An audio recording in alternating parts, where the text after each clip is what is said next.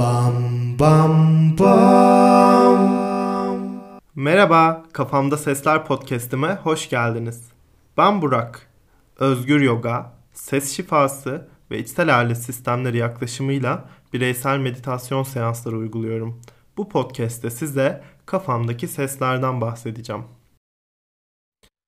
Savaşın bittiğine inanmayan askeri duydunuz mu hiç? İkinci Dünya Savaşı'nın 29 yıl ardından ormanda bulunuyor. İsmi Hiro Onado ve savaşın devam ettiğine inanıyor. Ormanda düşmandan saklanıyor 29 yıl boyunca. Arada böyle uçaklardan savaşın bittiğine dair ilanlar atmışlar. Bunları görmüş ama komutanından ve savaştığı ordudan böyle bir haber gelmediği için savaş bitti diye inanmıyor savaşın bittiğine ve ormanda yaşıyor 29 sene. Ve biten bir savaşı 29 yıl devam ettiriyor. Eğitimde travmanın insan üzerine etkilerinden bahsederken bu örneği verdi hocamız. Belki de çoktan biten bir savaşı devam ettirmemizden, bu savaş için giydiğimiz koruyucu maskeleri hala savaş devam ediyormuş gibi giymemizden, bu asker gibi ara sıra işaretler görsek de savaşın bittiğine inanmıyor oluşumuzdan. Ve bu hikayede askeri ikna etmek için Japonya'dan komutanı geliyor ve savaş bitmiştir diyor. Böylece inanıyor ve silahını teslim ediyor. Bunun hakkında filmler var, yazılar var, internette araştırabilirsiniz. Çok etkileyici bir hikaye bence.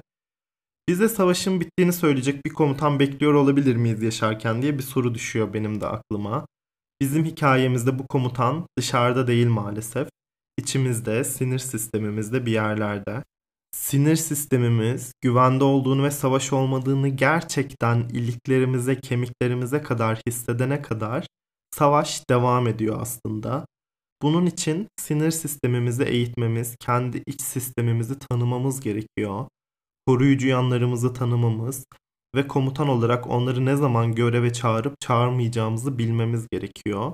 Bunun için yollar çok. Mühim olan size uygun yolu bulmak.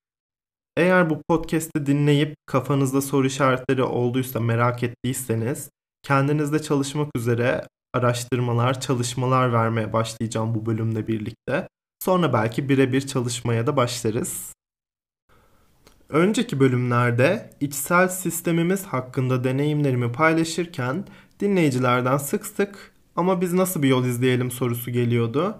Önümüzdeki bölümlerde kendi iç sesimizle tanışmak için yollar araştıracağız birlikte. Kaleminizi, kağıdınızı hazır edin ve hadi başlayalım. Komşunuzun gece gündüz tuhaf konukları geliyor ve neden geldiğini merak ediyorsunuz varsayalım. Neler yapabilirsiniz? Bir dürbün alıp izlemeye başlayabilirsiniz komşunuza gelen gideni. Bir dedektif tutabilirsiniz ve takip ettirebilirsiniz gelenler kimlermiş, nerelere gidiyorlarmış. Olan biten hakkında teoriler kurabilirsiniz.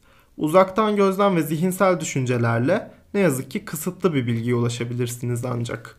Kendi iç dünyamızı anlamaya çalışırken de bunlar geçerli. Başka bir şekilde yaklaşarak kapısını çalıp kendimizi tanıtıp oturup sorularımızı sorabiliriz aslında bu komşuya. Siz kendinizi tanıtıp ilişki kurdukça o da size hayatından bahsetmeye başlar. Bu şekilde o komşu hakkında daha çok şey öğrenebilirsiniz. İşte bu yol içsel aile sistemlerinin kendi iç sistemimizi tanımakta izlediği yoldur. Diyelim ki üzerine eğilmek istediğiniz bir mevzunuz var. Bu bize yanlarınıza ulaşmak için bir ipucu verir. Bu ipucu neler olabilir bir bakalım. Yaşadığınız bir zorluktan yola çıkabilirsiniz. Yaşadığınız bir deneyimden yola çıkabilirsiniz mesela. Tepkisel yaklaştığınız bir olay ya da bir kişi varsa bu bir ipucu verebilir bize başlamak için. Duygusal ya da fiziksel bir deneyim, bir ağrı, bir his bize ipucu verebilir. Hatta tekrar eden bir davranış, bir düşünce, bir rüyada çok güzel ipucu olmakta. İşte bu bölümde bu ipuçlarını tanımlamak üzerine biraz konuşacağım. Bu ipucunu seçtiğinizde bu ipucu bize bir ya da birkaç yanımızın varlığını işaret ediyor. Bu seçtiğiniz ipucu durumuna verdiğiniz en az bir tane duygusal tepki söz konusudur. Kızgın olmak, üzgün olmak, korkmuş olmak ya da başka hisler olabilir. Ya da belirli tavırlar takınabilirsiniz. Mesela yargılayıcı, düşünceli, hassas, arada kalmış gibi. Her his, duygu ya da tavır bir yanın varlığını işaret ediyor bize. Hatta bu ipucuna karşı kopmuş, donmuş, soğuk hissetmek de bir yanınızın verdiği bir tepkidir. Ben seanslarımda böyle en güçlü ipucu bulduğum şey fiziksel hisler oluyor. Mesela kasılma, omuzlarda bir ağırlık, sırtta sıkışma, karnında sıcaklık, soğukluk hissetme, bedeninin belli bir yerinde ağırlık, hafiflik ya da bedende hissizlik gibi ipuçları bir yanın varlığını işaret ediyor bize. Ya da bu seçtiğiniz duruma karşı bir düşünce geliyorsa bu da bir yanın varlığını gösteriyor. Mesela birini eleştiren bir düşünce ya da kendimize karşı böyle ne kadar aptalım bu da yapılır mı gibi düşünceler olabilir. Bir danışanımla meditasyonda şöyle bir konu çalışmıştık. Onun da izniyle bu konuyu burada sizinle paylaşıyorum. İlişkisinde kahvaltıda yumurta yemek yerine tost yemek istiyor mesela bir sabah ve bunu partnerine dile getirmekte tereddüt ediyor. Ve bu konuyu ipucu olarak seçiyoruz ve bu durumu hayal etmesini ve hangi hisler uyandığını ben soruyorum. Bize 6 tane yandan bahsediyor. Şimdi bir bakalım sayalım bunları. Birincisi fiziksel bir his. Bunu söylemeye niyet ettiğinde çenesinde bir kasılma hissi. İkincisi düşündüğümüz kadar benzer değiliz galiba. Bizi aynı şeyler mutlu etmiyor mu? Acaba ilişkimiz devam etmeyecek mi diye korkan bir yandan bahsetti. Üçüncüsü yanlış anlar mı, kişisel anlar mı, tost istememle ilgili büyük bir tepki verir ve günümüz kötü gider mi diye kaygı duyan bir yandan bahsetti.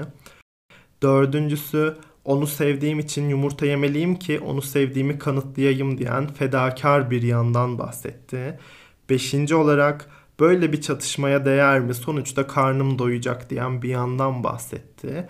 Altıncısı da bunları düşünüp söyleyemediği için kendisine kızan ve öfkelenen bir yandan bahsetti.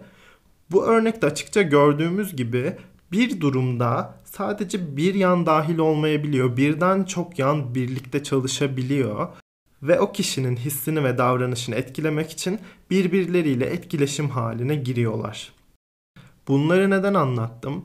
E, çalışmak istediğiniz konuyu seçtiğinizde onu gözünüzün önüne getirin, hayal edin onun olduğunu ve bir bakın içinizde hangi sesler var, bedeninizde hangi hisler var ve bunları tek tek bir not edin böyle sırayla. Sonra her bir his için, her bir numara için buna bir isim verin. Mesela ben anlatırken birkaçına isim verdim. Fedakar yan, korkan yan gibi böyle isim verin bunlara.